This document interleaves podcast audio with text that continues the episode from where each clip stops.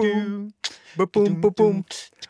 lytter til en podkast av Opplysningen på Radio Nova. Opplysningen på Radio Nova?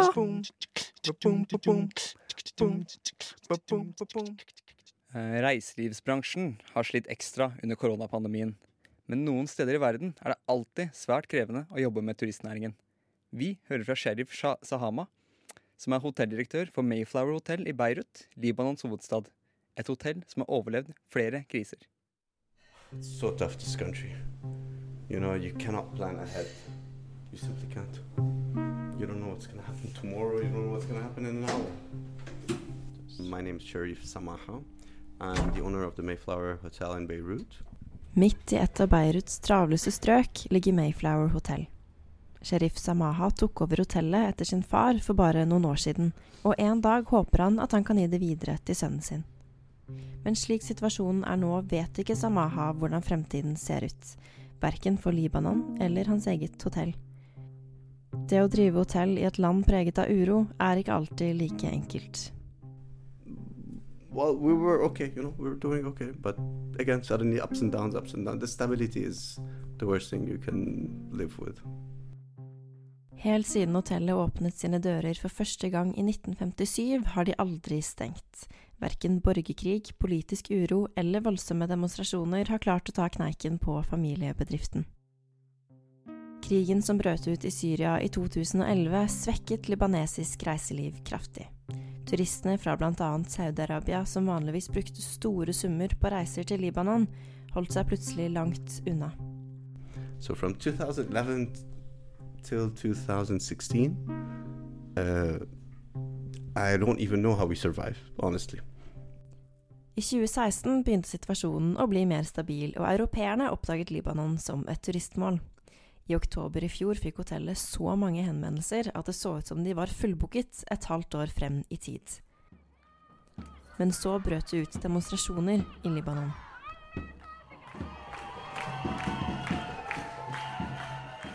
Da Opplysningen tidligere i år snakket med postdoktor ved Universitetet i Oslo, Eivind Lorentzen Sogge, beskrev han årsaken til demonstrasjonene slik. Og det handler jo om avsky mot korrupsjon, vanstyre og en politikerklasse, politiske myndigheter, som ikke har evna å dra landet ut av ei voksende økonomisk krise over lengre tid. Libanon er den tredje mest gjeldsbetynga eh, landet i verden. Demonstrasjonene førte til mange avbestillinger, og høsten ble svært tøff for hotellet. I midten av desember så det likevel lysere ut. Situasjonen så ut til å ha roet seg, og flere ville nå reise for å være vitne til den nye bevegelsen i Libanon.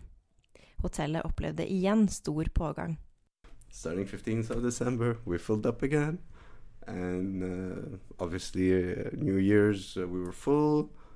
January was great. February was amazing. Men så kom neste dårlige nyhet for hotellet. Og denne gangen er Samaha for alvor redd for at dette er slutten på Mayflower Hotel sin historie. Da han viste oss rundt på hotellet i midten av mars, hadde covid-19 nettopp blitt erklært en pandemi, og det så svært dramatisk ut for familiebedriften. And now with Corona, um, I don't know. It's actually scary. Samaha har hatt store planer og drømmer om å renovere hotellet. Um, we'll go up to the roof. I want to show you something. that hopefully, it's the next project. På takterrassen ønsker han bl.a. å bygge ut et nytt basseng,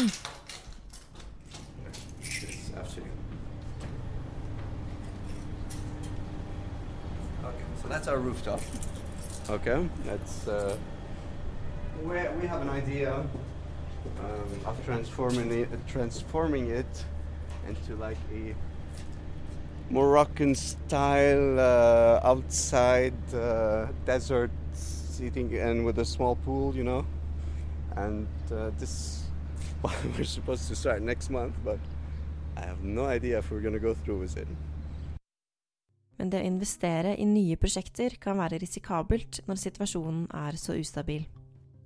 Han håper sønnen hans vil ta over et vellykket hotell i god stand,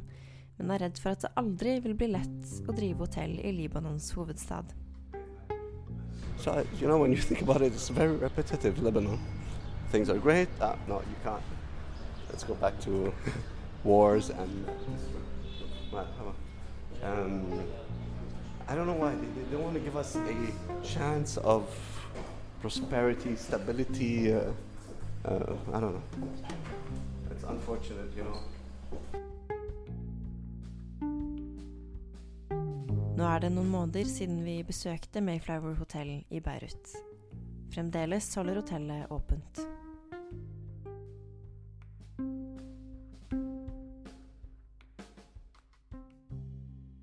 Og denne reportasjen var laget av Anna Lea Thorseth Poppe etter hennes reise til Beirut. Du har nå hørt en podkast fra Opplysningen 99,3. Finn denne og tidligere episoder på Spotify, iTunes eller der du måtte finne dine podcaster ellers.